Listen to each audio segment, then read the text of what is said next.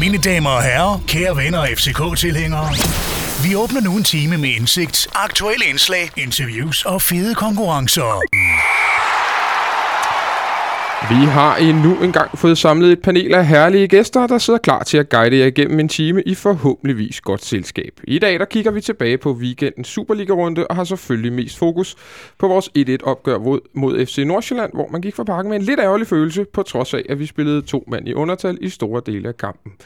Samtidig hos Brøndby fejrede man årets første Superliga-point, som havde man vundet DM. Sådan er man jo så forskellige. Det her det er FC Københavns Fanradio, og velkommen til. Mit navn det er Christian Williams, og jeg er dagens vært. Og med mig i dag der har jeg Christian Hertz, Christian Olsen og øh, Jesper Helmin fra Bold.dk. Goddag. Goddag, goddag. Christian Olsen, du vil jo gerne starte med at øh, bringe en, øh, en efterlysning i dag. Ja, er der nogen, der har set en øh, lille damecykel i området omkring Sankt Hans Torv, så må de gerne kontakte mig. Så må de gerne skrive på vores Facebook og vores Twitter, eller, eller direkte til dig på, på den ene eller den anden måde. Præcis, og det er formentlig med en knækket cykelnøgle i. Formentlig med en knækkecykel. Og hvad er historien øh, bag øh, Nå, den er bare blevet det her, væk. Det her drablige, øh, det her drablige måde, vi starter Den, udsendelsen den er bare blevet væk. Den er bare blevet væk? Ja, Okay. Fre- lørdag nat. Lørdag nat. Ja. Så i kæmpe koger har du smidt din cykel væk Ej, jeg omkring Sankt Hans Torv. Nej, jeg tror ikke, det var en kæmpe koge. Jeg tror bare, det var en koge. Okay, okay. Men altså, hvis der sidder folk derude, og det er en lille damecykel. Ja, og folk no- vil nok undre sig over, hvorfor jeg kører på sådan en der. Men Det det, det, er min var mit, øh, Det er den, jeg kører ATB-turene på. Okay, Jeg har også en rigtig cykel. okay. Og den cykler du længere på? Ja. Okay. Christian Hertz, du har ikke nogen øh, cykel, du har smidt væk. Nej, Til gengæld så sidder du i en øh, pæn jeg. Ja, jeg frygtede, at al den der anglofile øh, afslutning, vi har, øh, skulle tage overhånd. Så jeg vil lige prøve med sådan lidt, lidt balance, for at opretholde balancen. Lidt calcio. Ja, Ja. en lille smule. Vi skal nemlig tale en lille smule Premier League sidst i programmet, men inden da, så skal vi øh, selvfølgelig tale om, øh, om Superliga-runden i går, og primært om, om vores egen kamp. Jesper, var du i, i, i parken i, i går og se, se vores kamp mod FC Nordsjælland? Ja, det var. Det, jo- vi kan jo lige så godt starte med den, fordi det er jo, det er jo selvfølgelig det er jo den, vi primært skal tale om. Og den blev 1-1. Øh, en, en besynderlig kamp. Hvad, så, hvad så du i de, i de 90 minutter? En, en besynderlig kamp øh, rammer det nok meget godt. Altså, jeg vil sige, det jeg hæftede mig mest ved, var faktisk ikke så meget FC København, og det I præsterede i den kamp. Jeg, det, jeg synes egentlig, det var, det var ganske fornuftigt også, sådan omstændighederne taget i betragtning. Det, jeg hæftede mig allermest ved i den her kamp, det var, at øh, jeg så et udhold, som øh, 11 mod 9 i de sidste 20 minutter øh, ikke turde angribe. Øh, og ikke turde satse på at tage en sejr i parken, og det, det synes jeg, øh, altså, det synes jeg var, var en, en lille smule en skændsel for Superligaen, at man på den måde bare stiller sig tilfreds med, med 1-1 når man er 11 mod 9. Altså, det, man får ikke større chance for at vinde i parken. Det, det synes jeg skulle være en skam. Tror du, andre Superliga-hold kunne have gjort noget lignende, eller tror du, det er fordi, det lige netop er, er FC Nordsjælland, og, og, og den, man kan sige, den, der hvor de er lige i øjeblikket, er måske ikke der, hvor de, hvor de gerne ville være, både spilmæssigt og, og pointmæssigt. Tror du, andre hold kunne have fundet på det samme? Mm, Jeg håber det ikke, øh, og jeg må erkende, jeg kan heller ikke se det, det hold, som øh, det hold, hvis træner vil stille sig tilfreds med, med 1 hvis man har 20, 20 minutter med, med to mand i overtal. Talte du med ham efter kampen? Ja, det gør. Hvad, hvad, hvad sagde han? Hvad var hans argumenter? Jamen, argumentet var jo, at, at hans hold var sårbart, og at, øh, at han, øh, han flere gange, både i den her sæson og sidste sæson, havde set sit hold blot sig i, i nogle dumme situationer. Det var det, han gerne ville undgå, og så ville han hellere være forsigtig og beholde det, de havde frem for at jagte, de, øh, de kunne opnå. En mand som CV, som jo er hans øh, sportsdirektør, tror du, han er, tror, tror du, han er, er glad for sådan en, øh, en ja, både en kommunikation, men også øh, ja, det, de gjorde? Jeg tror du, han er tilfreds med det? Det håber jeg ikke. Og jeg håber, det er noget, de tager op deroppe, at, at, at det ikke den, altså... Jeg har jo kørt det her med, at de gerne vil til kamp for bedre fodbold, at det ved jeg sgu ikke. Jeg synes ikke, det var særlig meget bedre fodbold, det vi så i går i hvert fald. Øh, så, så jeg håber, det er noget, man drøfter internt, hvorfor det er, man, man gør det her, og, og så må han jo komme med sine argumenter og sige, at det er fordi, at jeg føler, at mit hold er sårbart, og jeg er bange for, at hvis vi hæve, øh, hæve en bakke ud og sat, øh, sat en offensiv spiller ind, jamen så er jeg nervøs for, at vi kommer hjem med, med 0 point, og så må det ligesom være hans argumenter, og så må man tage den derfra, men, men øh, jeg håber ikke, at det er noget, de bare sådan lader, lader gå ubemærket hen. Olsen, er det en presset mand, der, så, der vælger at gøre, som, øh, som Olafur gjorde her, og, og ikke rigtig sætte sig, selvom han holdt to mand i overtal lige tæt på en halv time? Øh, Jeg ved ikke, om han er presset, men jeg er fuldstændig enig i alt det, Jesper siger, at det, det er en skændsel for FC Nordsjælland. Det er en skændsel for dem, at de ikke tør satse. Øh, øh, hvis FCK var for, øh, den stod 1-1 med 25 minutter tilbage ude mod Real Madrid, og vi havde 11 mand, så forventede jeg da ikke, at vi stillede os ned, eller, eller stort set kun angreb over, for, over i venstre siden. Der var slet ikke noget øh, overraskelse i deres spil, så, så, så, så ja, han er nok presset. Han skal nok have point. Øh, han er ikke vant til at få et, de er ikke vant til at få et point i parken, så, så han var tilfreds med det, han, han, han havde, da han kom. Og, og, men, men jeg tænker, når de render rundt op på træningsbanen i går, de må, de, de, de må da bare sige øv. Det må da være så ærgerligt, at de får der ikke en bedre chance for at få tre point. Det kan godt være, at de kan slå os igen på et eller andet tidspunkt, men der lå tre point på en, en, på en gavebod. Det var en gavebod. Altså, det var pinligt, synes jeg. Og, Ja. og jeg vil godt lige Ja. sige, at jeg spurgte dem, at deres til kamp til bedre fodbold. Det er stadigvæk et motto deroppe. Så det, det, det er stadig noget, de går rundt og siger til hinanden. Yes, men de mente, at øh, det, det ikke altid det lykkes, åbenbart. Nej, det, man, man må godt gå lidt på kompromis med det en gang imellem. åbenbart. Præcis. Øh, det, det, her, deres målmand, David Jensen, var, sagde efter kampen også til, til, til Nordsjællands hjemmeside, tror jeg, at de havde været i, i parken og spillet en gang god og offensiv fodbold. Ja, det var. øh, hvad, hvilken kamp har han set? Ja, det ved jeg så ikke helt. Altså, det, det er da rigtigt, at, at de havde måske bolden mere i anden halvleg, end de havde første halvleg. Øh, men øh, når man sidder og tæller de store målchancer, så var vi jo stadig tættere på at tage sejren, end de var i, øh, i den periode, hvor det var 9 mod 11. Altså, jeg husker et hovedstød, der lige rører sådan lidt forbi, og ellers så Og sparker der står den 1-0 stadigvæk. Ja, og ellers så sparker de udefra. Øhm, og det vil sige, at de kom jo aldrig frem til, til det, der mindede om sådan reelle målchancer. Og, øhm, og selvom vi stod med fem nede bagved, så, så, så var det virkelig tyndbenet. Og øh, denne chance, William Kvist har, er jo, øh, er jo faktisk meget større. Og vi har jo egentlig også et, øh, et, frispark øh, på en dødbold, som også bliver hældet lige ved siden af mål. Jeg ved ikke, hvor meget ved siden af, men, men den er i hvert fald saft og kraft, og det var der mere, end de havde. Så øhm, jeg, jeg vil nok sige, at jeg er helt enig i, at det, de må allerede mærke presset. Altså, der er 29 runder tilbage, mm. og så tænker man, det er bedre at sikre sig et point, end chancen for at tage den sejr i parken, der kunne have løftet hele holdet øh, og fremadrettet. Ikke? Nu sidder de måske alle sammen med en følelse derud af, ah, for det er også det rigtige, vi gjorde. Altså, vi, der er ikke tre runder tilbage, og, de, og hver point tæller for at undgå nedrykning. Der er 29 efter, mm. altså endnu ikke. Det er virkelig meget. Olsen? Ja, de har jo stort set spillet øh, to timer med, med, øh, med 10 mand mod, eller med 11 mod 10 mod FCK de sidste, de sidste sæson. Mm. Og de har givet dem et- en 1-1 og et 0-0. Der, det, altså, jeg forstår det ikke. Nej. Og, og deroppe, der var de jo også pa- utrolig passive, ikke? Mm, der, skulle, der kunne vi også have vundet. Altså, Præcis. selvom vi var en, en mand i undertal efter Christian Poulsen øh, knockoutet. Mod øh, Marcondes. Marcondes. Marcondes går lidt igen i alt det her, fordi Ja, det- det, var også ham, der fik klasket en albu i hovedet i går af, af, af Marta. Jeg var jo også lige så uskyldig, som han var, var i at blive slået i maven, var han vel også uskyldig i går, kan man sige. Og det er faktisk også ham, der tvinger Pelle Nielsen ud, fordi han vælter ned i ham, og, og, og Pelle Nielsen er højst sandsynligt ude i seks uger nu. Spillerne var også lidt efter ham i går, synes, efter, øh, især efter den med, med Pelle Nielsen. Er, han, er der bare sådan nogle spillere, tror jeg, man, man, man ikke bryder sig om, og, øh, og som pisser en lidt af sådan, øh, på, på, på, på, på nogle af modstanderholdene? Ja, helt sikkert. Altså, jeg ved ikke, hvorfor det lige er Marcondes, hvad han har gjort. En, jeg ved, hvad han 19-20-årig Ja. øh, s- spiller. Han skulle være lidt smart i attituden, har jeg hørt lidt om, men, men det er vist også det. Så, så, så, og, og nu er der vist ingen tvivl om, at han har en eller anden... Øh, hvad er det, Stig Tøftings sorte bog. Det er sådan, Mm. den, den må han stå i, og så håber jeg, at næste gang, de kan gøre det på en lidt mindre åbenlyst måde, hvis de endelig vil gøre noget ved ham. Fordi det er jo to klokkeklare røde kort, de begge to, vi har fået. Det kan man ikke diskutere. Og, og jeg, jeg vil så også sige, den med, den med Per Nielsen, den, den, den synes jeg, det, det, det er et uheld. Mm. Sådan nogle gange sker.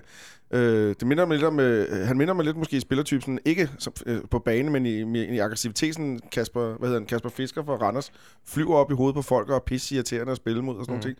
Og, og det undrer mig. Det kan FCK-spillere ikke åbenbart ikke håndtere. Og det skal de lære. Vi så det med Sanka og, og Nikolaj der i, øh, i Randers sidste år, så har vi set det nu med, med Marcondes to gange, så han, han, han må kunne tænde et eller andet derinde. Jesper, du kender måske lidt til ham, ham her Emiliano Marcondes. Hvad er han for en type? Jamen, jeg, jeg tror, det er meget rigtigt, det Olsen siger med, at han, han er irriterende. Øh, altså, han er, han er en sød dreng uden for banen og alt det her, men, men jeg tror, når han kommer ind, så kender han godt alle de der små tricks, og han ved godt, hvordan man øh, træder en mand i hælen, og man, han ved godt, hvordan man ligesom står lige og, og niver hinanden lidt, og alle de der, øh, de der små ting, som, som er fint nok, at, at der er på en bane, det er ikke det. Øh, han er ikke svins på nogen måde mm. overhovedet. Men han er irriterende, han, han går til grænsen hver gang, og, og det, øh, det har han åbenbart luret, det kan man gøre mod FCK-spillerne, og, øh, og så reagerer de på det. Øh, og på den måde synes jeg, det, det er jo enormt klogt af ham. Altså hvis han ved, at han kan, kan tænde FCK'erne på den her måde, så synes jeg, det er fremragende, at han gør det. Og udvisningen i går, den er vel bare... Altså, der, der er ja, vel ikke der, noget at komme der, efter. der, er ikke noget at komme efter. Amateta går ud og siger, at han synes, det var til god kort. Det er vel lidt... Er det ikke lidt øh, grinagtigt på en eller anden måde? Fordi han hammer jo en albu lige bagud, lige smasken på en. Altså, hvis ikke det er et rødt kort, hvad er så? Ja, altså det, jo, det er jo, han skal sådan lidt sige, at det var ikke med vilje, bla bla bla, men, men der er ikke noget at komme efter i går, altså der er ikke noget film, der er ingenting, det er, det er klokkeklart. Jeg synes næsten, man kunne høre op på ned og se, da han rammer ham. Jeg synes næsten, man kunne høre det der klask, da øh, albuen bare øh, vælter ind i hovedet på... Det kan være, det var på- mit no, du kunne høre. Nej, men jeg vil sige også det der dybe suk, for alle vidste jo Ja. ja. godt, at han ville få Ja, ja, det ja, røde alle kort, ikke? godt, altså, ja. den eneste, der så en lille smule overrasket ud, det var måske meget Ja, det var sådan den der, åh, nej, ikke igen følelse. Gik ikke? i baglommen med det samme, kunne man bare Ja. se, bare på vejen derhen. Og den er jo helt reel, og man kan sige, det er bare lidt uheldigt, at vi sådan to kampe i træk ender i det her, fordi øh, altså, det er så mange dage siden, er det heller ikke, at vi løb rundt og, og jagtede øh, en, en, altså en, et mål med, med kun 10 mand, ikke? og det gjorde vi jo egentlig også i går, selvom at, øh, altså der den er 10 mod 11, mm. der er det jo stadig også der jagter Ja, der er øh, det det, det, ja. første, det første mål. Ikke? Og det er jo ekstra hårdt, man så også, spillerne var jo helt færdige efter kampen, altså de, de, de skulle lige have været, før de overhovedet kunne gå ned den ene ende for at klappe af tilskuerne. Ikke? Så det, det er lidt, altså det, det er ingen tvivl om, at de har haft brug for lidt restitution her, og det er jo ikke særlig godt, at, at den udvikling, synes jeg, at, at vi har set relativt mange røde kort. Lige præcis, det øh, vil jeg gerne lige tale om, og så tager vi resten af kampen øh, umiddelbart bagefter. Øh, jeg mener, vi cirka har fået otte røde kort inden for de sidste 12 måneder i, i alle turneringer. Det er med FC København-briller nærmest uset. Vi skal tilbage til, at vi havde Per Fransen og sådan nogle på holdet Ja, i hvert fald, for, for, før Der vi var jo en lang det. periode, hvor vi ikke fik nogen hel sæson nærmest, Ja. ikke? Øh, så, øh, hvor, hvor, den er, hvor man nærmest øh, slet ikke, altså, øh, hvor det måske var et på to sæsoner, ikke? Øh, så det er helt klart, der er sådan, øh, og jeg ved ikke helt hvorfor, om det er fordi, vi har yngre spillere nu, øh, altså det er jo en af de ting, som man kan sige, hvis der er en stor forskel på de hold, Mhm. Ståle har haft tidligere og nu, så er det meget yngre trup, og de er måske mere tilbøjelige til ikke helt at at kunne holde hovedet koldt, og så er der selvfølgelig en Christian Poulsen, der, som, øh, som måske stadig på den front stadig er lidt ungdomlig. Ja, fordi mange af dem har været komplette øh, hjerneblødninger, kan jeg godt tillade mig at sige. Der er Christian Poulsen, mm. der er Martis i går, der var øh, Sanka sidste år mod øh, Hobro, hvor han sparker ud efter en eller anden øh, liggende Hobro-spiller. Mm. Øh, vi havde Brandurs over i Randers, som jo også, hvor han saver ham midt over. I den Randers-kamp kunne vi meget let have fået to røde kort til, vi faktisk ja. ikke fik. Også på to komplette hjerneblødninger.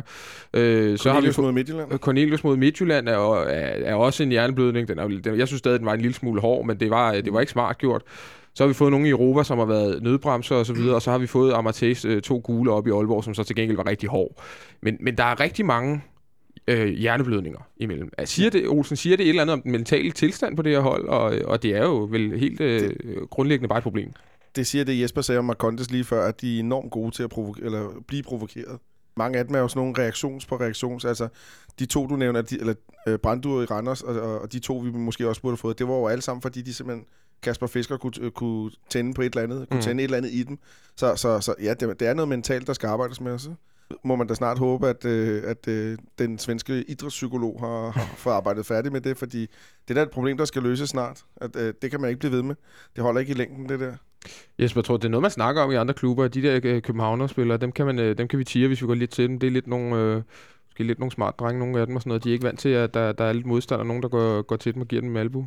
Det er jeg ikke i tvivl om, at man snakker om. Især ikke, når man, når man ser altså trenden, at, at der kommer så mange røde kort, og man ser, at de røde kort er den karakter, de er. At det ikke bare er, er nødbremser og alle de her forskellige ting, men det er de her, de her jernblødninger. Så er der ikke i tvivl om, at øh, en, en hver træner vil der lige inden en, en kamp sige, at I skal måske lige være lidt opmærksom på, at man godt kan, kan tænde ham og ham og ham. Øh, og der kan man så efterhånden tage hele holdet her. ja. øh, men men det, det, det vil enhver træner gøre, det bør enhver træner gøre, det er der ingen tvivl om. Ja, fordi, ja. Det er fordi, jeg tænker, at øh, det er jo også tit et udtryk for frustration over, at tingene ikke helt kører og sådan noget.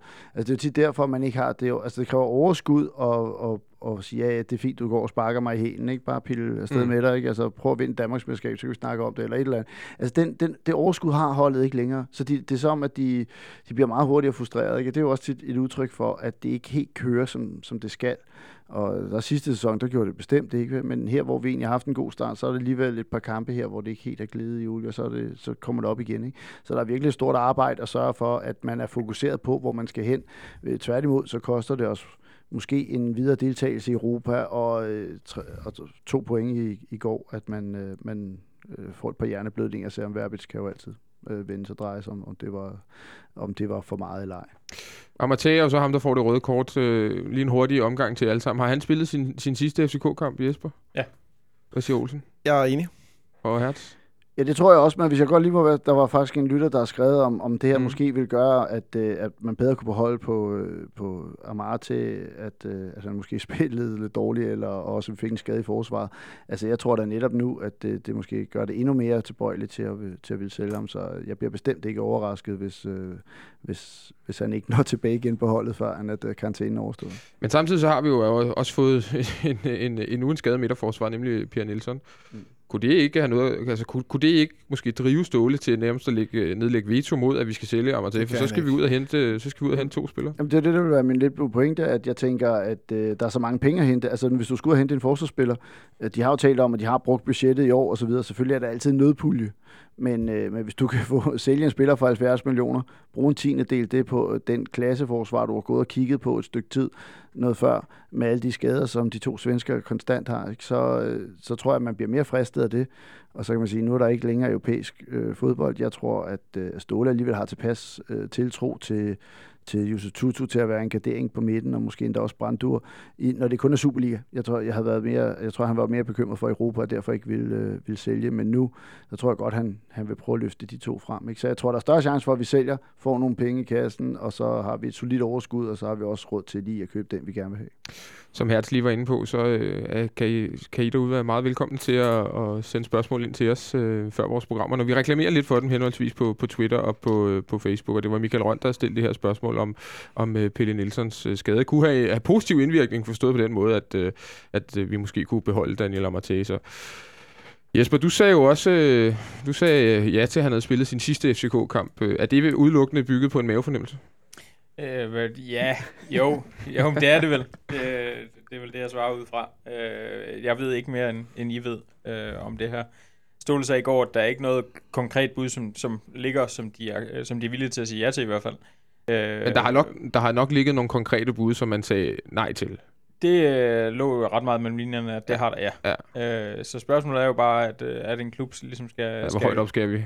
Ja, det er jo det, der er hele spørgsmålet. Og der, der sagde han jo så også, at, øh, at, at de ligesom er blevet enige om internt et beløb, at, at man i hvert fald skal overveje, om, øh, om man skal sige ja eller nej, hvis, hvis man rammer det her beløb. Hvis jeg nu siger, at det beløb øh, kunne være 10 millioner euro, hvad siger, hvad, hvad siger du så? så tror du, det er for højt eller for lavt? Ja, det tror jeg er for højt. Det er cirka 75... Øh, ja, det, det, ja, millioner. Cirka, cirka, cirka 75 millioner. Ja, det tror jeg for højt. Hvad siger du, Olsen? Om det er det beløb, vi får for ham? Ja. Det, det vil jeg da håbe. hvis vi endelig skal sælge ham, så hvad, skal... Hvad synes du, beløbet skal være? Altså, hvis de har sat sig ned i bestyrelsen, den sportslige ledelse altså, imellem aftale... Jeg har, jeg har siddet og kigget på transfer, øh, der har været lidt, lidt hen herover de sidste stykke tid, og så... Jeg kan sgu ikke udtale hans navn, men det er Shanta Mangambang, England, en, der er gået fra Anderlecht til, øh, til Newcastle. Hmm. Og han kostede 8 millioner pund. Det er en 20-årig øh, øh, landsholdsspiller for, jeg tror, den øh, Demokratiske Republik Kongo og den slags. Og jeg, jeg, jeg anerkender, at den øh, Anderlecht er klart bedre end FCK, og de har rigtig mange salg til... Øh, til, til, til, til Premier League. Men, men, men Amartey spiller for et bedre landshold og har været øh, sådan mere ind i landsholdsvarmen forstået på den måde. Så jeg tænker, det, det er den vej, vi skal gå. Så, så størrelsesorden 7 millioner pund eller sådan noget lignende, der tror jeg, og det, det er lige knap 70 millioner kroner. Ja, det er lige lidt over, ikke? Så, ja, det, så, det, det, så, så, det, så det, det, det, det er det, jeg tænker. Og, og, og Leicester og Newcastle, Newcastle er en større klub, men de har begge to røven fuld af penge, sådan europæisk set. Så, ja. så der kunne jeg godt tænke mig, men det er også, det er også max, man tror, jeg tror, man kan få for ham. Og jeg tror også, man siger ja til det tilbud. Ståle var jo i studiet i går efter kampen, og han nævnte også, at, øh, at hvis man solgte ham, så jeg var også indrømme, at mellem linjerne synes jeg også, at, at det lød som om, at øh, vi, vi ikke skal være særlig overrasket, hvis han er ude af døren inden for de næste par uger. Han siger så også, at hvis det sker, så har man, øh, så, så, så, så har man afløser i, i, i sigte. Det sådan det. Eller så sagde han, så havde vi muligheder, øh, som man kunne kigge på, eller noget i den retning. Helt tydeligt, at man er forberedt på, at Daniel Amartey bliver solgt, enten nu, eller så lige rundt om hjørnet i det, i det næste transfervindue. Øhm, tror det er forsvarsspiller, eller tror det er midtbanespiller, Ståle hensyder til? Fordi øh, Amartey kan jo dække begge dele i princippet, og, øh, og vi har jo brug for, vi har i princippet brug for nogle begge steder. Vi har brug for en, der kan lidt begge, øh, det som Amartey også kan med at dække to pladser, eller hvad, Hertz? Jamen, jamen, jeg kunne sagtens forestille mig, at det er to spillere, altså som man vil gå, man vil hen, fordi der er, altså man har jo længe kigget efter nogle afløsere, tror jeg, for, for Pelle Nielsen og Michael Andersen. Måske ikke, at det var planen, de skulle købes nu, men man er jo bevidst om, at, at inden for det næste års tid, så skal de måske begge to skiftes ud, eller i hvert fald... Øh, og Chris. Øh, ja, og, og så Chris Stadsgaard er jo lidt... Øh, altså der, hvor vi ikke rigtig ved, øh, hvad, hvor han henne øh, på den lange bane, og Ståle har aldrig vist tillid til Chris Dadsgaard, så, så ham har jeg helt med i den her ligning. Øh, så man, man havde nok forventet, at man skulle hente en til vinter eller til næste sommer. Ikke? Nu bliver det måske lige skridtet før. Så, og der har man nok ikke regnet med, at det er en, der både skulle, skulle spille midtbane og forsvar. Så jeg kunne godt forestille mig, at det var to spillere, som, som man hentede ind. Spørgsmålet om man havde is i mave og, og, og ventede med midtbanespilleren til, øh, til vinter, øh, fordi forsvarsspilleren bliver efterhånden akut. Hvis øh, Amarte forsvinder, så er der ikke rigtig nogen... Øh, ja, problemet er, at vi har jo faktisk rigtig mange forsvarsspillere. De er bare skadet rigtig mange af dem rigtig tit. Ja. Så øh, der, der, altså, der er rigtig mange lønkroner bundet op på det midterforsvar i princippet, ikke? Jo, og, og, og specielt fordi Michael Hansen og, og Pelle Nielsen, det virker næsten som, han har tænkt sig at, at rotere lidt med dem. Øh, De får en kamp hver. og, ja, og, og nu er der ikke nogen europæiske kampe, Nej. ikke? Så, øh, men man kan jo ikke have et forsvar med, med to spillere, som, altså, hvor de to svenskere næsten... Altså man ved jo aldrig helt, om de er klar om, om søndagen, øh, når du står fredag eftermiddag. Så det kan man jo ikke have i længden, og det, øh, det, det, det var der, hvor at Amarte var den, var den der gardering, hvis der skulle ske et eller andet. Ikke? Men øh, hvis den gardering kan indbringe dig 70 millioner lige nu, hvor man har et underskud, og man er råd ud af Europa, det er nogle andre rammer, vi har at, at gøre med, end hvis vi var gået videre.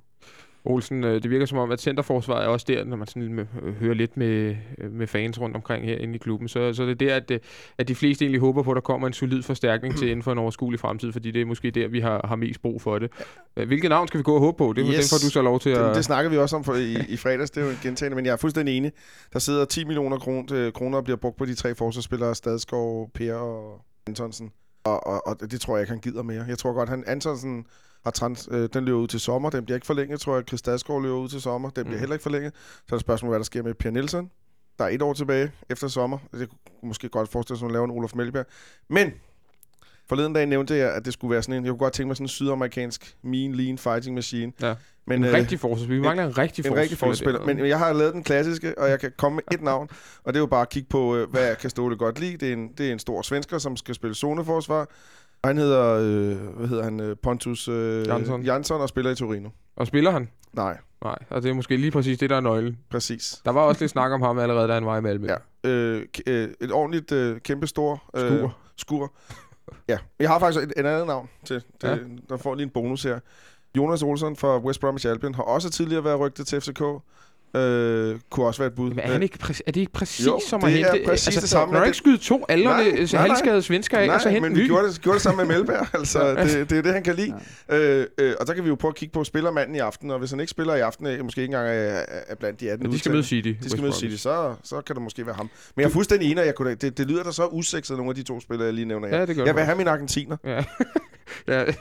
øh, Jesper, du sad og nikkede lidt, da Jonas Olsson kom på banen. Er det, er det fordi, det er et navn, du godt kunne se spille i FC København på et eller andet tidspunkt? Nej, det var bare for sådan ligesom holde mig øh, nej, nej, men jeg, altså, det- jeg er enig i, at det passer fint ind i det, Ståle gerne vil, men, øh, men øh, Det altså, er usekset. ja, det er så på et eller andet tidspunkt, så skal vi sgu også videre fra det der. Præcis. Øh, og jeg tror måske ikke, vi skal videre til en eller anden skør argentiner. Øh, jeg tror bare, man skal kigge til Randers og hente Mads fingre. Jeg skulle lige... Det var, du stjæler simpelthen ordene ud af munden på mig. Tak. Fordi han er da den bedste forsvarsspiller i dansk fodbold lige i øjeblikket, er han ikke det? Nej. Nå, er det. Men han er måske den bedste, man kan få. Altså, Ja, lige præcis. Hvem er den bedste? I, jamen, I har jo prøvet på... Øh, Svirchenko? ja, det synes jeg faktisk. Ja, men jeg, jeg, jeg, er stadig, jeg skulle stadig lidt i tvivl om Svirchenko. Jeg synes, han er mange. Jeg synes, han er sådan en sankaske udfald, men fordi han ikke er lige så, snakker lige så meget om sneakers og sådan noget, han siger fornuftige ting, og han så bruger i deadline og sådan noget, så er der ikke rigtig nogen, der går på, hårdt til ham på samme måde. Jamen, jeg, jeg, jeg har haft det lidt på samme måde med, med Svirchenko, som jeg mener er blevet hypet for tidligt. Ja. Uh, han blev jo nærmest hypet som den bedste forsvarsspiller i Superligaen. Han har spillet 10 kampe og været skadet i, øh, i, i tre Ja. kvart år eller noget af den stil, ikke? Men jeg synes, han har løftet sig helt enormt. Uh, både spillemæssigt og, og sådan, uh, altså, øh, personlighedsmæssigt, altså den fremtoning, han har okay. På banen. Uh, jeg synes, han er fremragende. Er Mads Øh, Finger så jeg- den næstbedste? Øh, nej. Så vi skal hente en forsvarsspiller i Danmark, som ikke er blandt de to bedste? Ja, Jamen, det kan også være nogle andre. Altså, nu, tænk, nu, tror, nu tror jeg ikke... også? Nej, jeg, jeg, jeg, nu tror jeg ikke, at, at Frederik Sørensen, han er ikke god nok med bolden til at komme herind Nej, til. Øh, så, men altså, det er jo igen sådan en... Øh, han var en af dem, der også slap Han ud også af, lige- af, han er af, af til Han nettet. lige sk- skiftet til Køln, ikke? Ja, altså, men jeg tænker, det er sådan, nogle- det er sådan nogle typer, som, som kan ligge rundt omkring, ikke? Mm. Altså, og hvad hedder han? Øh, ham der Philip Helander, der var også, han er også Mm. røget Han er nu, øh, til til, til, til. Verona, ikke? Så de er sådan lidt... Øh, altså nogle af de der unge, de er væk, ikke? men det kunne godt være en sådan en, man hentede, øh, som, som ligger et eller andet sted. Det behøver måske ikke lige at have et skandinavisk pas, men altså øh, sådan yngre. For jeg synes måske, Ståle har kørt en lidt mere foryngelseskur øh, hen og bliver ved med at tale om, hvor ung det er, og så Mm. bliver han egentlig ved med at hente yngre unge spillere ind. Ikke? Så det, jeg tror, han er ved at være lidt træt af, at de der ældre spillere egentlig ikke, håber, rigtig, du har ret. øh, egentlig ikke rigtig holder niveau, fordi det har de jo ingen af de der øh, forsvarsspillere gjort. Jesper? Jamen, nu har vi ikke snakket Chelsea nu i det her program. Mm. Øh, men jeg vil bringe en Chelsea-spiller på banen faktisk. Thomas Carlos. Ja. Øh, ung øh, tjekkisk forsvarsspiller, som lige har forlænget med Chelsea igen. Mm. Øh, uden udsigt til nogensinde at få sit gennembrud. har de ikke lejet ud til Middlesbrough igen? Har man de også lejet ud igen. Ja. Men sådan en som ham kunne jeg sagtens se om et års tid, for eksempel, når han finder ud af, at det, det går ikke det her. Okay. Øh, så kunne jeg sagtens se ham her. Er det, er det, er det, det er bare, er det igen, det, det er bare noget, du griber ud i luften? Ja, ja, ja, jeg skal jo finde på en eller anden ting. sige. ja.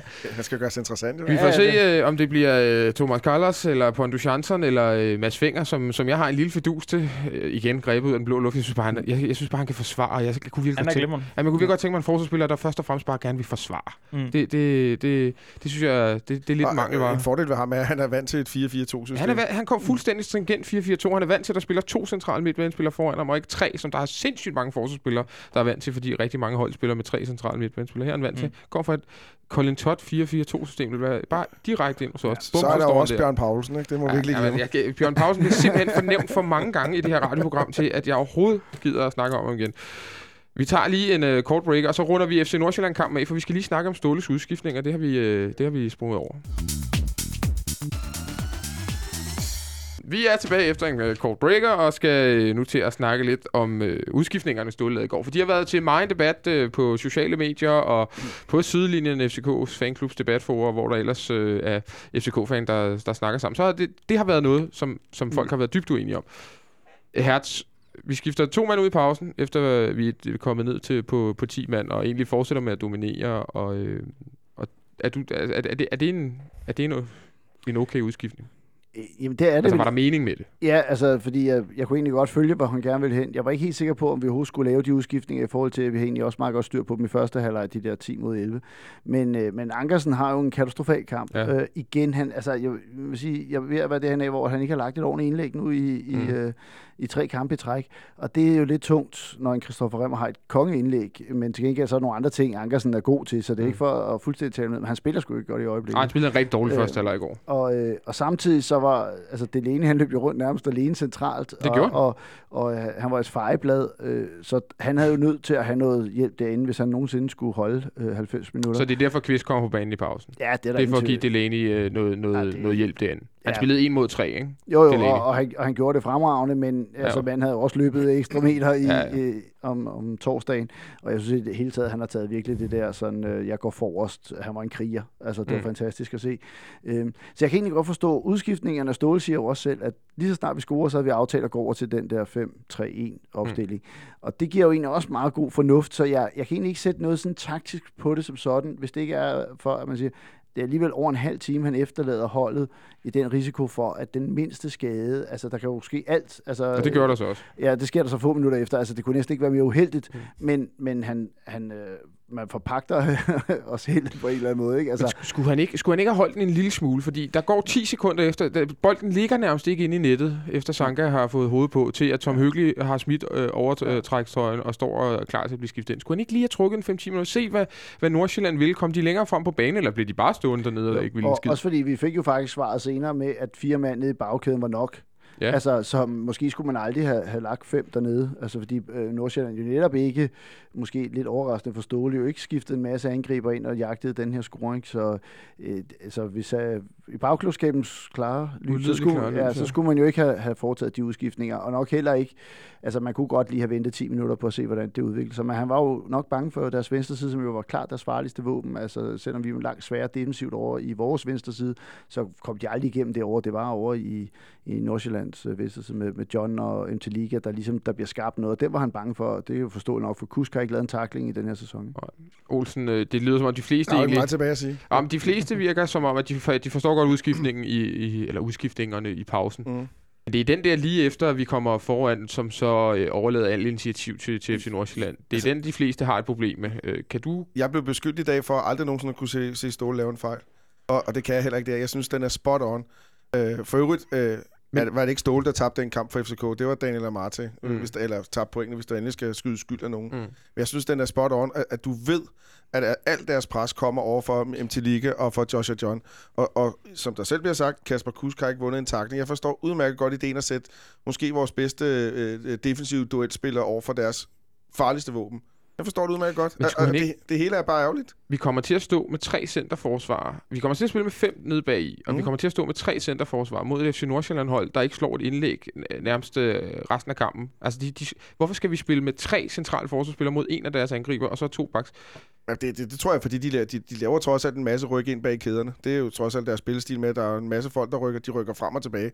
Det kunne være en af tankerne bag. Det, det kunne også have været en løsning at gå over til en firebakkæde, Mm. med, men jeg synes, Skulle det ikke var- have pillet en centerforsvar ud det sat kunne, han også have hyggeligere? gjort. det kunne han også have gjort, og det er altid nemt at sidde og kigge bagefter. Det kunne han også have gjort. Jeg, øh, indskiftningen af, af Hyggelig, den synes jeg var, den synes jeg sidder lige i skabet. Mm. Og faktisk havde Kasper Kusk også spillet en, en, en, en OK kamp, og Ja. han havde også spillet en OK, gjort et rigtig godt indhop i torsdag, så, så det var også lidt ærgerligt for ham, kan man sige. Ikke?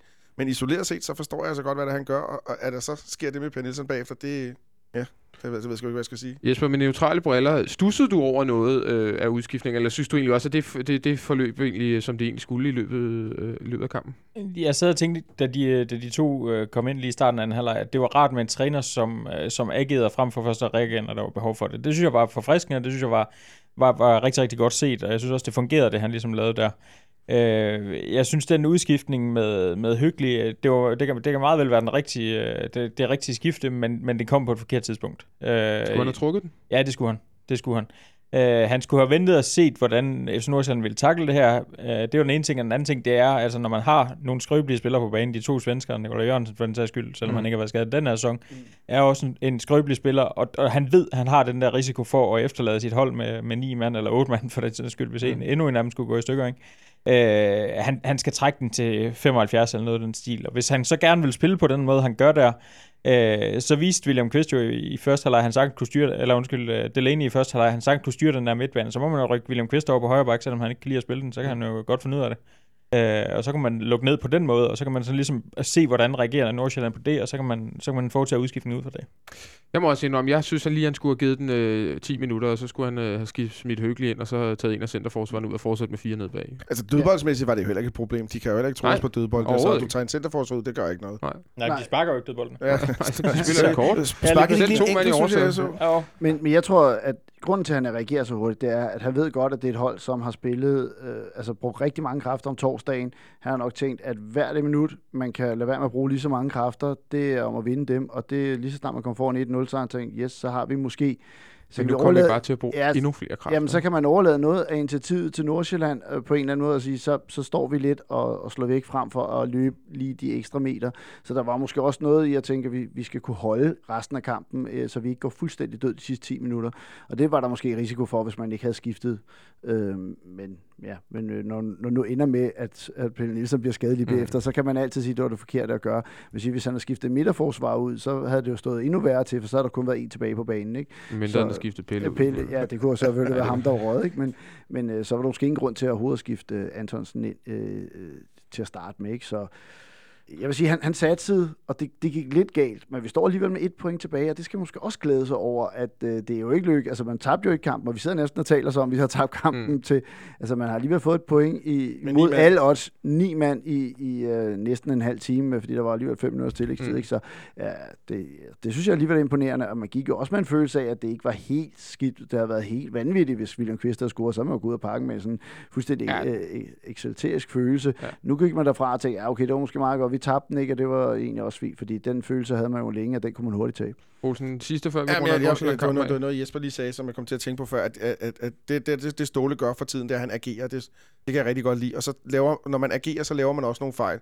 Øh, på den anden bænk, der har, sidder der en mand, som, som reagerer, og han reagerer meget sent. Øh, Han gjorde nærmest ikke noget. han jo. gjorde, han gjorde lige præcis ikke noget. Ståle reagerer, han tager nogle chancer, og, og, og det går op og ned, og nogle gange vinder man. Sidste søndag i, øh, i, øh, mod Sønderjyske, der agerede han, smed William Kvist ind, fik lukket hovedet højre side ned, så I ved, hvem der ikke var farlig mere for Sønderjyske. Mhm, mhm. Øh, Godt, Så, godt. så det er jo fint, ikke? Jo. Sidst her, øh, det aller sidste, før vi lige lukker ned, det er også et spørgsmål, vi har fået ind på vores Twitter fra øh, Pelle Lundberg, der spørger, er vi stadig favoritter til at vinde det? Meget øh, kort og konkret. Nu kan vi komme lige pludselig, hvis Midtjylland vinder i aften, og vi skal til Herning på fredag, kan være 8 point bagefter, godt nok med en kamp i hånden efter fem runder. Er vi stadig favoritter til at vinde DM lige nu, Christian Ernst? Jamen, Den er jo nærmest umulig at svare på, når vi ikke har spillet øh, den kamp på fredag, fordi det er jo den, der afgør det hele. Nej, det så- afgør vel ikke det hele. Nej, men det, det gør måske lidt i forhold til, at vi bliver mestre eller ej. Fordi, øh, Nu synes jeg, at violinen kommer frem ja, allerede. Jamen, det gør den lidt. Det Det er bare et kort svar, du skal have så. Ja eller nej? Ja, men det er fordi, jamen det, tror, det synes jeg stadig, vi er. Men Okay. det, altså, det er uafhængigt om Midtjylland vinder i aftenleje. Det tror jeg er ligegyldigt.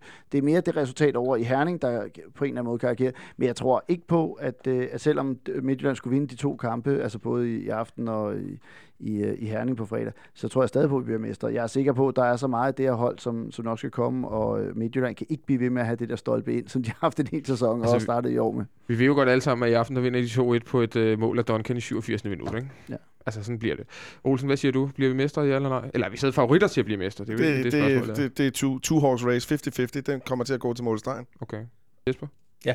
Se, det var det svar, jeg kunne bruge til Ja. noget. Lige præcis. Jamen, vi har, vi har to sejre nu uafgjort. Altså, det er jo ikke, vi er jo ikke, Nej, nej. vi er jo ikke skudt Men på vi står også stadig... Altså, vi kan være 8 point efter på lørdag, ikke? Det er godt nok med en kamp i hånden, men kan det, er jo være- det er det jo er en forfærdeligt at tænke Nu på, spiller at vi fredag, så det kan være, at jeg finder min cykel på fredag. ja, ja det, det er jo en kamp i hånden, og det er jo netop det. Altså selvfølgelig øh, kan man ikke altid regne med, men vi kan også risikere at have indhentet dem allerede Ja. ja. på, på fredag, og så har Vi vi en kamp i et hånden, ikke? Vi ligger nummer 1 på fredag. Ja, endda med en kamp mindre, ikke? Altså så, så er det lige pludselig en helt anden snak, Det er desværre uden af Martin. Så bliver, ja, det er desværre uden meget, men sådan er det jo. Vi har jo heldigvis en god afløser, også i William Kvist, det må man så sige. Hvis vi, altså, Ja, men han, han har ikke rigtig fundet sig selv endnu, ikke? Men til gengæld kommer der måske noget tryghed nu ved, at, at han de næste par kampe, der ved, at han skal spille på sin favoritplads, og der er nogle aftaler, som er nemmere at indgå, når du er i træning hele ugen og op træner for, at det er sådan, at du skal Mm. spille, i stedet for at William Kvist ligesom godt ved, at han, øh, han skal vinde på en af de andre dummer sig. Nu har jeg Martin dummer sig, så, så nu skal han også ind og vise, at han skal have den plads, og forhåbentlig finde sin gamle styrke. Nu skal vi øh, tale en lille smule om øh, Andreas Cornelius. Fordi Andreas Cornelius øh, var på græs igen i dag. Små fire måneder efter hans fod pegede fuldstændig den anden vej, så øh, spillede han, kunne hjælpe mig, 65 minutter i reserveholdskampen ude på Tieren mod Brøndby i dag. Og det var, jeg var ude at se den, det var du også Jesper. Det var en forfærdelig kamp, det kan vi lige godt sige. Vi spiller øh, helt vildt dårligt. Den bliver, der er sikkert nogle af jer, der også har siddet og set den på, på stream. Den blev livestreamet på fck.dk og andre steder. Det var øh, fodboldmæssigt en, en ganske horribel oplevelse, men det var rart at se Andreas Cornelius spille fodbold igen. Jesper, øh, altså hvad kan man sige om ham her? Er det, det er fire, som jeg siger, det er fire måneder siden hans fod øh, var nærmest i hvert fald af, og nu spiller han fodbold igen. Er det, er, det, er det noget af det vildeste, du nogensinde har set, når det kommer til nogle skader? Ja, det synes jeg, fordi det er ikke så tit, man ser den her type skader, heldigvis. Øh, jeg synes, det siger rigtig meget om den dedikation øh, og den professionalisme, Andreas Cornelius har, fordi du kommer ikke tilbage på den her måde så hurtigt, uden at du gør alt rigtigt, og gør alt, hvad, hvad, hvad de her trænere siger, og også uden for banen spiser rigtigt, sover rigtigt, ikke, øh, ikke tager ned på en eller anden lystjagt og, og ligger og bliver halvtyk. Mm. Øh, altså han, han har gjort alt det rigtige, og han vil virkelig tilbage, og det, det synes jeg lyste ud af ham. Jeg synes glæden ved at være tilbage lyste ud af ham i dag, og, og efter kampen, han var, han var enormt glad for ligesom det, han havde opnået, og- det var sådan ligesom, øh, altså det, var- det var sådan første step mod, at, at nu er han på vej tilbage i hvert fald, så øh, jeg synes, det var, det var rigtig, rigtig godt at se. Men der kommer til at, stadig til at gå nogle uger, måske endda en måneds tid, før at, øh, at formen rigtig er der til, til Superliga-fodbold, eller hvornår tror du, vi kan se ham få indhop? Altså fredag er sådan noget vel alt for tydeligt, eller hvad? Øh, altså han siger jo, at benet kan jo principielt godt holde til det på fredag, men, øh, men at han, øh, han indtil videre har fokuseret på genoptræning, og det er først nu, han egentlig skal, skal begynde at, og, hvad skal man sige, lære at spille fodbold igen. Mm. Øh, så, så der mangler selvfølgelig rigtig mange ting, og det kan vi også sagtens se i kampen i dag. Mm. Altså, han skal ikke bedømmes fodboldmæssigt i dag overhovedet, men, men selvfølgelig mangler der nogle ting. Det, det er jo klart, når man har siddet ude, og, og man sådan ligesom øh, går sådan lidt rundt på listefødder og lige skal mærke, om, om, om foden foden nu egentlig sidder fast. ja. Øh, så, så der kan gå noget tid. Jeg vil ikke blive overrasket, hvis han, han får et indhop allerede inden landskampspausen. Ja, hvornår er landskampspausen er for Ståle at- har tidligere nævnt den som sådan ligesom et, et pejlemærke for, i, til forhold, i forhold til, hvornår at, øh, vi kunne få ham at, at se igen. Ja, der er tre runder indtil da. Okay. Så, så, Så- det kunne godt være... Det Øh, kan godt være, der er den 30. august, Ja. noget ja. den stil. Ja, men det bliver, det, bliver, det bliver i hvert fald utrolig spændende at se. Øh, Mm, Det er Det- også det, jeg personligt tror, at øh, vi sælger eller udlejer Marvin Poirier, ikke? Så det passer jo fint, hvis han kan Ja, han overtage er blevet den taget ud af Marvin reserveholdstruppen i som dag. øvrigt ikke var med for reserveholdet i dag. Øh, en lille smule underligt, måske. Han har spil, fik ikke spilletid her i... øh, Jo, fik, nej, han fik ikke Nej. spilletid Nej, her i går. Nej. Så normalt vil øh, spillere, der sidder på bænken, jo få spilletid så på reserveholdet i dag. Øh, og det er Jonas Felfeldt, der hopper ude af holdet, uden at sige noget alt for grimt om, om Jonas, så er det ikke fordi, at han spillede, har spillet nogle store reserveholdskampe her på det sidste, så, så det, er ikke, det er ikke derfor i hvert fald. Og han banker heller ikke på så, så Nej, hvis der er en klubber, der vil have Poirier nu, så bliver man også nødt til at handle på det, øh, fordi man har jo også nogle spillere, som er på vej tilbage. Nu er det øh, så Cornelius, ikke? Og der Og er også Tutu en, og en Remmer. Tutu og, Mm.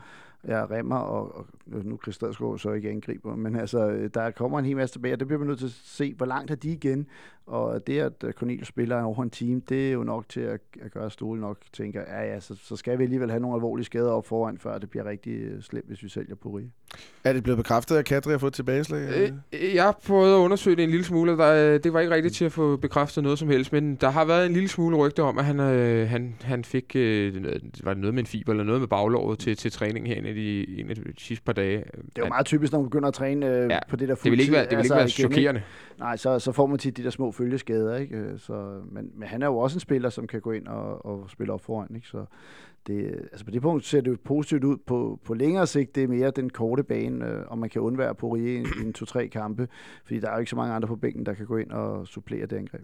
En, der til gengæld spillede fuld tid i dag, det var Chris Stadsgaard. Øh, og det så egentlig ganske fornuftigt ud, Jesper. Ja, jeg synes faktisk, det var lyspunktet på, øh, på FC København. Så en meget bleg indsats. ja, det må man sige, men jeg, jeg synes defensivt, han, øh, han var fin. Jeg synes, fremadrettet, han havde nogle rigtig gode skift, og han, øh, han, han tog initiativ, og han, han virkede egentlig som spiller, der var ved at være der. Altså, han sagde til løftkampen, at han, han havde været træt de sidste 50 minutter, men, øh, og, og, og, det er jo sådan set også fint nok, at han, øh, han så, selvom han er træt, kan præstere på det niveau. Jeg synes, det, det, det var sådan lidt betryggende sådan med tanke på, på Pelle Nielsens skade også. Kunne I, altså, tror I på øh, Chris Stadsgaard? Du har lidt været inde på det tidligere her, så det gør du i virkeligheden ikke. Nej, ja, altså, jeg synes, han er en, en fin spiller. Altså, jeg kan egentlig godt lide ham, men jeg har, det virker ikke som, han nogensinde har haft Ståles tillid. Nej. Og derfor har jeg lidt svært ved at se, at uh, han så skulle glide ind og, og tage en, uh, en afgørende rolle under Ståle. Det tror jeg simpelthen ikke. Men ikke desto mindre positivt, at vi har en ekstra forsvarsspiller. På altså, det, det, hvis han kan spille 90 minutter i dag, nu han godt være træt øh, halvdelen af kampen, er, men så, så kan han vel også komme i betragtning til, til bænken. Og, jo, på, og det, altså, ja, det, det, er der jo ingen tvivl om. Det er der ingen tvivl om. Og hvis, uh, altså, det, er jo, det er jo rart, for så er man ikke sådan noget med, at man skal have fundet den der forsvarsspiller ind i morgen. Altså, det gør jo Ståles arbejde lidt nemmere, at der står en, der rent faktisk måske er klar til at tage de sidste uh, halve time, hvis uh, Antonsen skulle blive skadet. Vi tager en breaker nu, og så bagefter, der skal vi tale om uh, sæsonens første trænerfyring i Superligaen, nemlig Niels Frederiksen, der har fået silkesnoren i Esbjerg.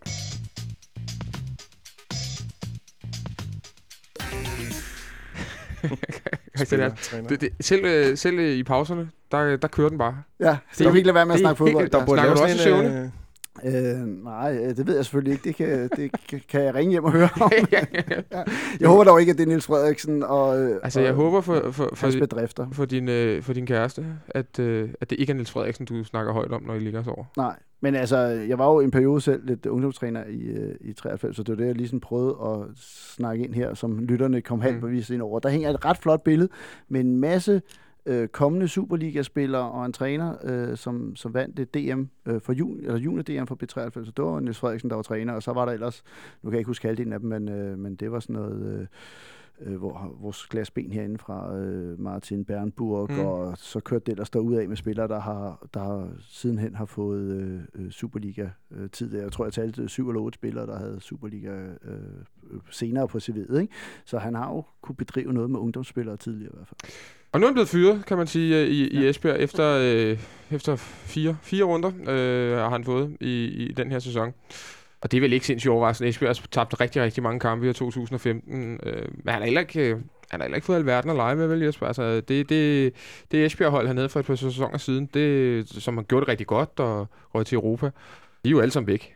Ja, ja, I hvert fald de, gode, de gode spillere af dem, ikke? Ja, altså, jeg må erkende, jeg har, jeg har egentlig sådan ret stor fidus til Niels Frederiksen som træner. Jeg synes også, mm. dengang, at han, øh, han, han havde et hold at arbejde med, der præsterede han jo også. Mm. Altså, han formåede at, at få dem ud af det her europæiske eventyr, hvor, hvor de helt fantastisk vis kommer i gruppespillet og kommer videre til, var det 16. dels finale, nu de mm. ude til Fiorentina dengang. Så, så han har jo vist, at, at, øh, at når han har noget at arbejde med, så kan han sagtens arbejde med det. Uh, men det har han ikke haft. Uh, altså, jeg synes, det, det virker sådan lidt som om, at at uh, ledelsen derovre i Esbjerg har siddet med, med sådan en stor uh, tøjabe, og så de tænkte, jamen den kasse, vi skulle bare videre til ham her, så fyrer vi ham, mm. og så, så håber vi alt går godt. Uh, men for mig at se, jamen, så har man i går aftes havde man et problem, der hed, at man manglede et forsvar, man manglede lidt mm. gardering mm. på baks, man manglede en kant og sådan noget. Øh, det gør man stadigvæk, nu mangler man også bare en træner. Mm. Så det, det virker sådan lidt som, ja, at, at man skal skyde det på en eller anden, og det skal ikke være nogen af dem, som sidder i ledelsen åbenbart.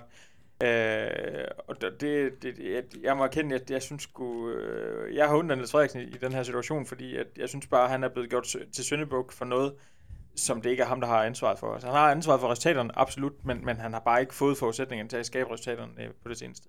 Olsen, hvem bliver så ny træner i Esbjerg og skal overtage det her fantastiske midterforsvar med Michael Jakobsen og, og, og Stenderup eller Almebæk, som, som Niels Frederiksen jo har fået at lege med det, det, det, det sidste års tid? Ja, Esbjerg vil jo gerne være et, være, et, være et hold, der har, har bolden meget og spiller med bolden meget, så, så, så man kan vel godt lukke sådan nogen som to gange Ove og Peter Sørensen, og dem kan man vel godt droppe. Mm. Så det, det bedste bud, det, det må være Esbjerg-drengen vender hjem, Glenn Riddersson. Mm. Øh, jeg, jeg er lidt i tvivl om, han synes, det, det er et godt nok job i forhold til at være mestertræner og sådan nogle ting der. Det, det er de eneste kvaler, jeg har ved det. Han har åbenbart sagt nej til U21-landsholdsjobbet, kunne jeg forstå. Men øh, Esbjerg-drengen, der vender hjem, Glenn Riddersson. Tror du, han vil tilbage i ilden så hurtigt? jeg, jeg, tror, han øh, ånder og lever for fodbolden, så det tror jeg rigtig gerne, han vil. Øh, og opmærksomheden omkring det at ånder og leve for fodbolden, det... jeg tror, jeg kunne godt lide, at han dukkede op til FC Midtjyllands afsluttende træning Ja. og sådan nogle ting der, men jeg tror godt selv, han var ude på træningsbanen. Ja. Hertz, hvad siger du til, til guldglem til øh, Altså, så, da han sagde nej til det der U21-landsholdsjob, så tænkte jeg, at han vil noget meget mere. Altså, det, det overraskede mig lidt. Og, altså, sådan, det, det var alligevel op der, hvor han, altså, han søger jo noget anerkendelse, ikke? og det Mm. fik han der, at det så skulle et udlandsjob. Man kan sige, det der måske kunne gøre, at han ville vende tilbage til, til Esbjerg, eller at komme til Esbjerg, det skulle være, at han kunne få, ligesom han gerne vil have det. Altså nu var han utilfreds med nogle ting øh, på direktionsgangen i Midtjylland, og der ville han jo helt tydeligt kunne diktere det, for han ville være så stort et navn for dem, at det ville være øh, efter hans øh, violin, øh, man spillede. Så øh, det, det skulle være det, der gjorde det, fordi ellers så, øh, så er der jo også nogle andre, der måske lige så godt kunne... Øh, altså, vi, der er jo sådan en håndfuld af danske trænere rundt omkring, der også godt kunne være i spil til det. Altså, Lars Olsen må også på et eller andet tidspunkt blive træt af at sidde på færøerne. Ja, lige for længe. Øh, så ja, derfor, det, altså, Mads Toppel, han skulle også, øh, han skulle også arbejde et eller andet sted i Næsby, ikke? Altså, det, Det skal man ikke regne med. Nej. Hvad siger I på bold.dk? Glenn Riddersholm til, øh, til Esbjerg, er det øh, fuldstændig urealistisk, eller kunne det godt ske? Selvfølgelig kan det ske. Øh, altså jeg vil sige, øh, jeg vil være meget mere fortaler for det, hvis det, det her kommer om et halvt år. Øh, jeg tror stadig, Glenn har den her idé om sig selv et, et større sted øh, end det her. Men, Men udlandet? Eksempelvis, ja. Men det er så svært at komme til udlandet som dansk træner. er Det er sindssygt svært, og det bliver nok ikke nemmere, at man er Glenn Riddersholm. øh, så så, så det, det er der ingen tvivl om, men, øh, men, men jeg tror ligesom, altså hvis han har haft det her halvår til at gå og se, at, at den der gyldne mulighed, han håber på, ikke kommer, øh, så, så tror jeg ikke, der havde været så meget tvivl. Så tror jeg, han har hoppet på det. Øh, nu er jeg mere i tvivl. Så timingen er måske ikke helt rigtig for ham. Øh, nej, det tror jeg ikke, nej. Det, Så- Men altså, igen, det, det, det, jeg vil ikke udelukke det overhovedet, fordi altså, han, øh, som Hertz også er inde på det der, at, at, for ham betyder omgivelserne meget, for ham betyder det meget, at han kan få det, som han gerne vil have det. Øh, og det var jo det i hvert fald, der lå i den grad mellem linjerne, at, øh, at han skulle indgå for mange kompromiser i Midtjylland, dengang han stoppede. Øh, og kan han få det, som han gerne vil have det i, øh, i Esbjerg, og det er ham, som kommer til at bestemme det hele, og, og han ligesom kan gå og, og bygge, bygge noget op igen, fordi han vil gerne arbejde med unge spillere. Esbjerg har nogle rigtig, rigtig stærke Esbjerg har ungdomshold. et Rigtig, ri- nogle Øh, rigtig gode ungdomshold. Jeg, så vidt det jeg har- husker, vandt de jo 19 øh, DM. Var det sidste år, faktisk? Eller var det forrige år? Øh, Jeg tror faktisk... Ja, nej, det var forrige Det var år. forrige år. Det De har nogle år, rigtig, rigtig de har, fornuftige de har nogle ungdomshold. rigtig, rigtig fornuftige ungdomsspillere, så, så det er også noget, der, der kunne tale for Glenn Ederson. Men øh, Men så bliver det vel et, et projekt mere, end det bliver... Altså, han er jo en, hvad kan man sige, en, en, en liga med de absolut bedste trænere i, i, i dansk fodbold. Det må man jo sige. Nu har vundet guld med, med Midtjylland. En fantastisk præstation, og fik, øh, var meget tæt på at vinde det sidste øh, forårssæson Mm. også. Altså, bliver det så et, et nyt projekt, han skal se sig selv i et, øh, sådan et femårigt langt projekt, hvor Esbjerg skal tilbage til toppen af dansk fodbold, hvor de jo ikke har været i, ja, siden Ove Pedersen var der for, i starten af, af 2000-tallet? Eller, eller øh, hvad, er- hvad, er- hvad er langtidsperspektiverne for ham i Esbjerg? jamen, det, det, er jo, øh, altså, det kan man sige, det er jo ikke helt ham selv, der bestemmer det, fordi det handler også lidt om ledelsen, og ledelsen så vi jo i, i foråret lige pludselig ændre det hele til, at fra at de ville være top 6 hold hver Mm. sæson, så ville de slutte mellem nummer 5 og 8. Øh, og, og, og, det er jo dejligt Altså, uambitiøst. Ja, det er en mærkelig Øh, udmelding. Ja, det må man sige. Vi vil ikke blive nummer 4. Jeg vil ikke blive nummer 4 i år. Vi skal blive mellem 5 og 8. Øh, og og det, det kommer sådan lidt an på, hvad ledelsen også vil, og hvad der er økonomi til og sådan noget. Fordi økonomien er egentlig solid nok, men, men de, devisen i foråret var i hvert fald, at man ikke sætte økonomien over styr for, for ligesom at satse på nogen måde. Og, og, og hvordan man så nogensinde kommer derop igen, hvis, hvis man har den, øh, den tankegang, det ved jeg sgu egentlig ikke. Øh, så skal det nemlig lige præcis være, fordi man får en rigtig dygtig træner ind, som er dygtig til at arbejde med unge spillere, som de selv er dygtige til at udvikle. Og så man på den måde ligesom kan, kan, kan hvad skal man sige, beat the odds og, og slå de der hold, som har, har markant større budgetter. Mm. Øh, og det kan jeg sagtens ikke lade Riddersson være en, være en, øh, en nøgleperson i, og også en person, som over en årrække kan, kan få succes med det her. Glenn, Ridder, Glenn Riddersholm tilbage i Superligaen. Øh, er, er det noget, vi øh, som FCK-fans går håber på, eller har det egentlig været fint nok lige at være ude af ham i et par måneder? Jamen, altså, jeg vil ikke sige, at jeg savner ham, men, øh, men jeg synes da også, at øh, en del af fodbolden er jo også, at man har de her... Øh, der er syndebukker, der er spillere, man forguder og elsker, og der er dem, man hader, og dem, man... Øh, altså, han er jo med til også at definere det øh, hele. At han så ikke er på julekortlisten, mm. øh, så, så er han jo stadig en... Han, han er med til at definere, synes jeg, noget af også det der rivalisering, der er. Og jeg, jeg, vil, jeg vil synes, det var et, øh, et rigtig spændende skifte, og jeg, jeg vil også synes, at det vil være med til at løfte Superligaen lidt, at de bedste trænere, som Danmark egentlig Mm. også, også er der. Altså, fordi øh, det er lidt ærgerligt, at der går en rigtig, rigtig dygtig træner arbejdsløs, fordi det må man jo give ham, altså ellers havde han jo ikke vundet DM sidste år. Ikke?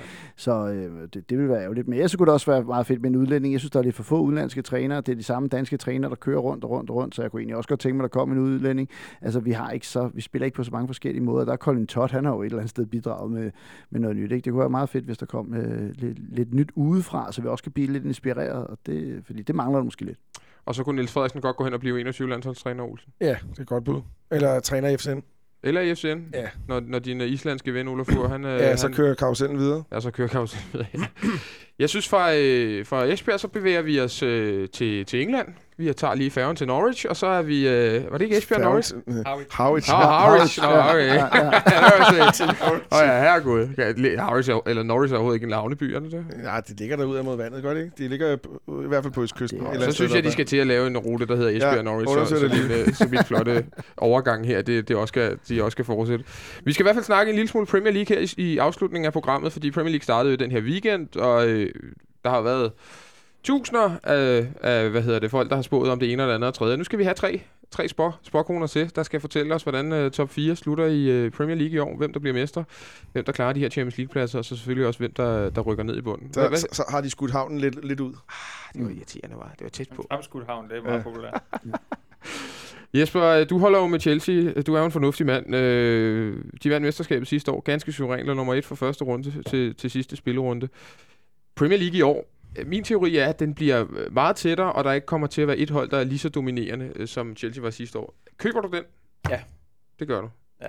Hvem bliver så mester? Chelsea. Det gør de stadigvæk. Ja, ja. er det, er det hjernen eller hjertet, der taler der? Eller er det begge dele, måske?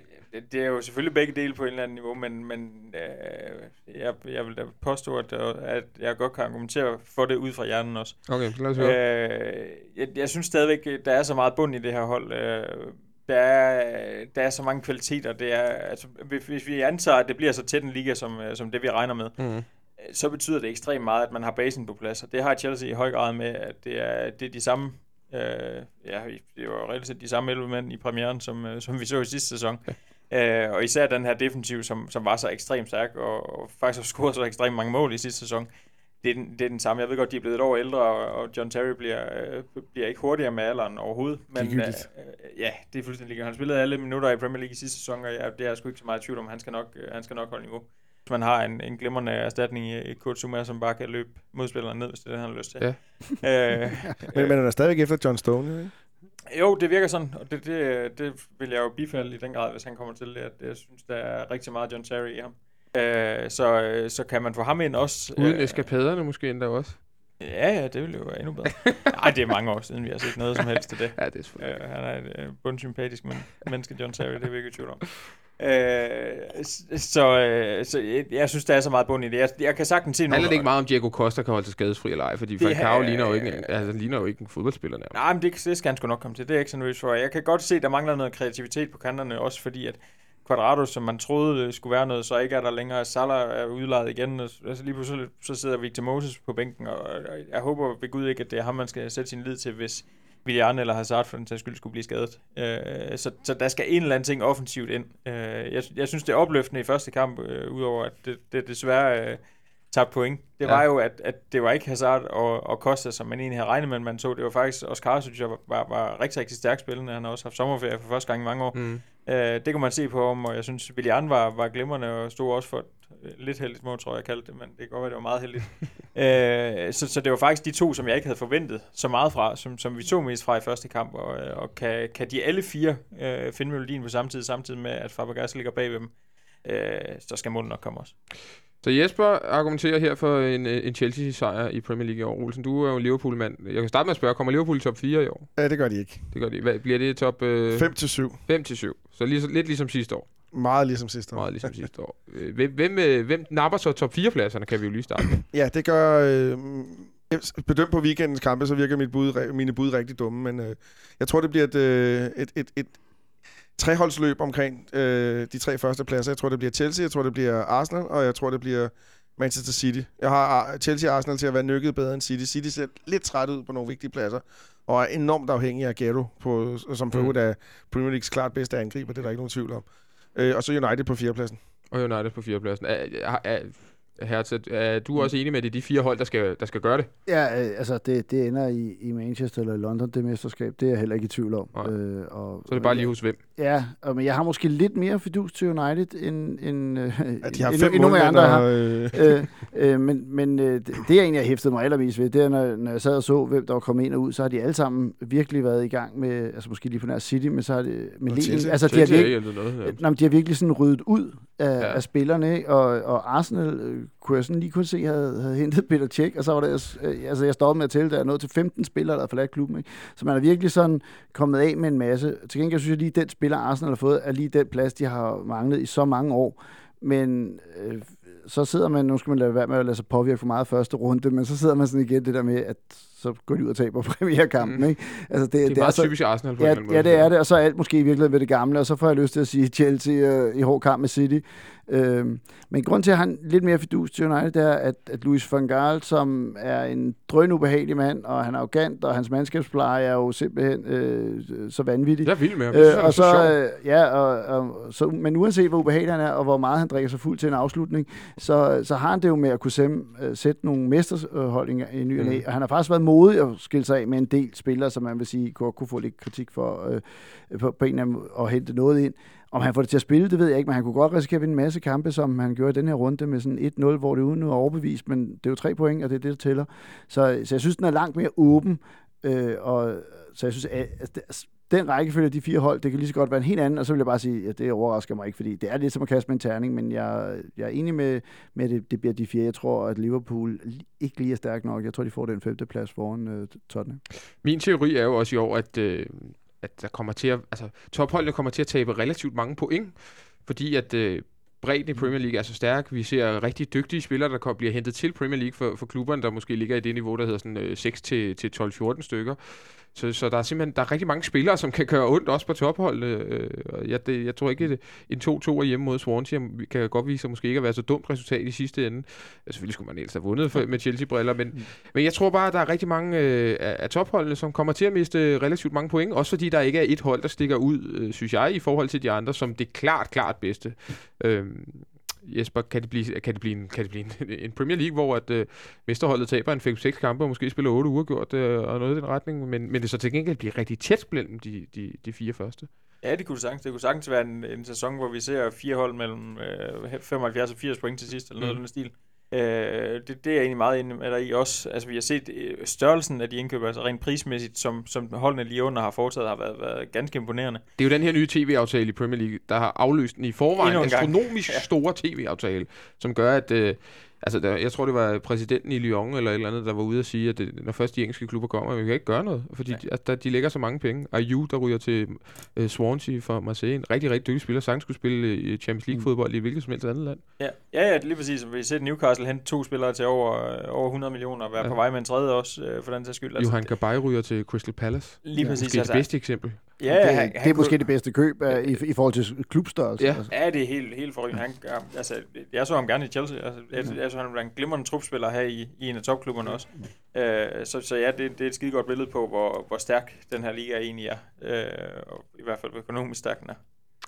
Manchester City... Øh, Ja, til, til sammenligning kan man sige, Ja. ja. at, øh, at i Spanien, der var det de, de fire største klubber, der havde brugt 80% af alle pengene, og så, Ja. øh, så resten, de har så, altså så er der jo øh, et hav klubber tilbage, og der var flere af dem, der ikke har brugt nogen. mm. Altså, så det siger jo også lidt om, øh, hvor, altså der er jo ikke den samme spænding, der ved vi jo godt, hvilke to klubber, der kommer til at kæmpe om det hele, måske tre, ikke? Øh, men, men, øh, men helt det der bredde i Premier League, er det også det, der gør det nogle gange så svært at forudse, fordi der er bare nogle klubber, som rammer de der, den der form i, i England, som, øh, og, og som overrasker. Altså, jeg synes faktisk, Crystal Palace sidste år var et rigtig godt eksempel på, at de, altså, der er sådan lidt øh, sønderjysk over dem, ikke? Øh, og så, så, så overpræsterer de nærmest. Ikke? Altså, måske har de virkelig ikke overpræsteret, de var bare dygtige. Olsen, Manchester City øh, Yes. er et hold, som, øh, som, som jeg, jeg havde i hvert fald forudset det her i, i sommerperioden, at de ville hælde rigtig mange spillere ud af døren og lave en... Øh, Jamen, det har de også gjort. Ja, men lave lidt en revolution, og så hente en masse nyt. Jeg havde tænkt, at nu, nu henter de øh, De Bruyne i øh, Wolfsburg. De prøver sgu sikkert også Pogba og alt sådan noget. Men indtil nu har de jo kun, så vidt jeg husker, hentet to spillere i, øh, i øh, Sterling og i øh, Delph. Fabian, Fabian Delph, Delph. i, i øh, Aston Villa. Ja, og de er primært hentet på grund af den homegrown-regel, der er. De skal have nogle englænder ind lynhurtigt, så var de nødt til at betale de penge, det koster. Der er simpelthen regler, om man skal have x antal øh, engelske spillere på, i truppen. Og på, Ja, det behøver ikke at være engelske spillere, de skal være uddannet ja. i engelsk fodbold, ja. og der, der passer de to ind. Men øh, ja, jeg synes, de har mangler. Jeg synes, de har mangler i forsvaret. Jeg synes, Kompani har set øh, lidt shaky ud, og hvis han kan genfinde gamle dages øh, øh, hvad hedder det, sikkerhed, så, så kan det godt være, de kommer igen. De har solgt øh, Tjeko og Jovetic, de to... Øh, de havde, de havde fire angriber, Mm. de to, Boni og, og Agüero. Nu er de nede på to angriber. Er det ikke en for lidt? Jo, det kan godt være, men de begyndte at, de bruger Raheem Sterling som angriber også. Mm. Mm. Øh, og jeg, ikke jeg synes, jeg, mål. jeg synes, at nej, han er en glimrende spiller. Og, Aguero må også have en sæson, hvor han ikke bliver skadet hver anden Det er. Altså, meget det, må, det må ske på et eller de andet tidspunkt. på. Men, jeg, men det, øh, bulletinerne dog for at sige, at de bestemt ikke er færdige med at handle, okay. og, og der er åbenbart blevet slækket lidt på FFP'en, så Financial Fair Play, så det kan de godt. Så De Bruyne, det er et rigtig godt bud på en, på en ny spiller. Men jeg synes, jeg synes han er en Og så er de- fantastisk spiller, men jeg Ja. synes, de har sindssygt mange af den slags spillere. Mm. De har Nasri, de har Silva, de har Sterling, de har De Bruyne, de har Jesus Navas og sådan nogle ting der. Mange af dem. Og så har de mistet James Milner, som jeg egentlig synes var en... Øh, jamen, jeg synes faktisk, han var rigtig god. Jeg synes, James Milner er en super god spiller. Og han, han er lige præcis sådan en som et hold som City, som har så mange luksusspillere, som Olsen lidt er inde på. Det er jo sådan en rugbrødsspiller, de også mangler. Jo, helt sikkert. Helt sikkert. Mm. Altså, Og nu er han kommet til en klub, der har mange robotspillere. Ja, det kan man så sige. Der mangler lidt mere flere. Men det var nok også derfor, han kom til den klub. Øh, jo, men ej, ja, ja, men jeg tror, problemet med James Miller, det var, at han ville også godt være blevet i City, men han ville åbenbart gerne spille øh, central midtbane frem for at han var ikke tilfreds med at blive kastet rundt, og så fik han et eller andet astronomisk tilbud for City, og et næsten lige så astronomisk Mm. tilbud for Liverpool, så tror jeg, han tænkte, det vil jeg godt prøve at spille central midtbane i Premier League igen. Er du en lille smule overrasket over, at City har valgt at forlænge med Pellegrini som træner de næste to sæsoner? Ja, ja, ja, s- det, det her det er ikke min holdning. Det er en, jeg har læst mig frem til. Jeg tror, øh, måske har de forlænget med ham f- øh, for at ligesom få lagt låg på sagen.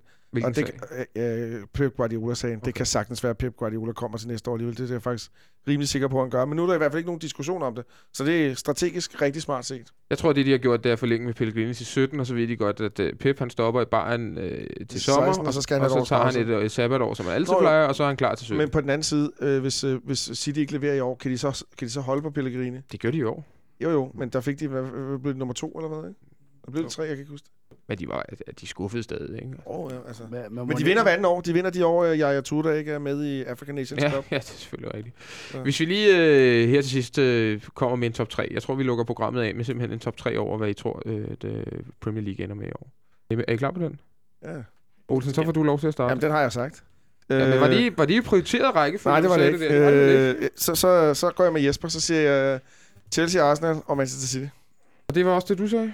Uh, nej, jeg vil gerne bytte rundt på City Arsenal. Så du siger Chelsea, City, Arsenal? Ja. Og øh, Calcio-fan nummer et derovre, nu bliver du tvunget ud i at skulle, øh, skulle komme med den top 3 i England. Ja, det, er altså, det lyder bare kedeligt, vi alle sammen siger Chelsea, ikke? Altså, Jo. men, øh, Jeg synes, det er fint. ja. men, øh, men jeg tror, at jeg har nok mere end, øh, end Chelsea, og, og nu sidder jeg bare for at vælge kontrær, så siger jeg United og City. Jeg ved det simpelthen ikke. Jeg vil ikke komme Nej, med nej, nej, nej, nej. du kan ikke tænke det ud af, så, altså, så, det. Det er Så, så simpelthen... kom med tre nedrykker. Øh, okay, så kommer jeg med tre nedrør. Det kan vi godt sige. Jeg tror, Bournemouth rykker ned. Øh, jeg tror... Øh, Jamen Sunderland, man siger altid Sunderland, og så ved man, at de vinder fire kampe i træk i april måned og redder sig lige til sidst. Ikke? Men nej, jeg tror Sunderland rykker ned, især hvis de fortsætter med Dick Advocat som træner. Øh, og så... Øh, Watford bliver den sidste, tror jeg. De, de er sgu nok ikke stærkt nok. Og så de har jeg en lille de dark horse. mest imponerende en af alle, synes Ja. jeg nærmest. Ikke? De, er jo, Ja. de har virkelig... Så har jeg altså også en dark horse i Aston Villa, fordi øh, jeg tror ikke på det der Team Sherwood-projekt, og nu har de mistet Benteke og, øh, Fabian Delph. og Fabian Delph, og jeg synes ikke, de har hentet særlig godt tre gange Jordan. Ja, det, Ja, øh, det tror jeg altså heller ikke så meget på. hvad- kan der rykke fire ned, så bliver de de fire. Det Ja, ja. hvad med Norwich? Norwich redder sig. Hvorfor? Øh, fordi dem Fordi havde du glemt. Det er sådan vidunderlig havneby, som bare hører til.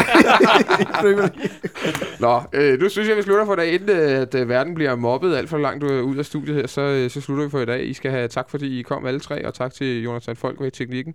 Mit navn det er Christian Wilens. Vi vender tilbage enten øh, torsdag eller så i næste uge, for på fredag sender vi ikke, fordi der øh, er der jo kamp i, i Herning. Og jeg håber egentlig på at være afsted, så øh, det vil blive, et, øh, det vil blive ren ravnerokering, hvis der ikke var nogen vært, så det kan vi jo ikke have. Men følg med på øh, Twitter, følg med på Facebook, hvornår vi sender igen, og så høres vi bare ved. Hej igen.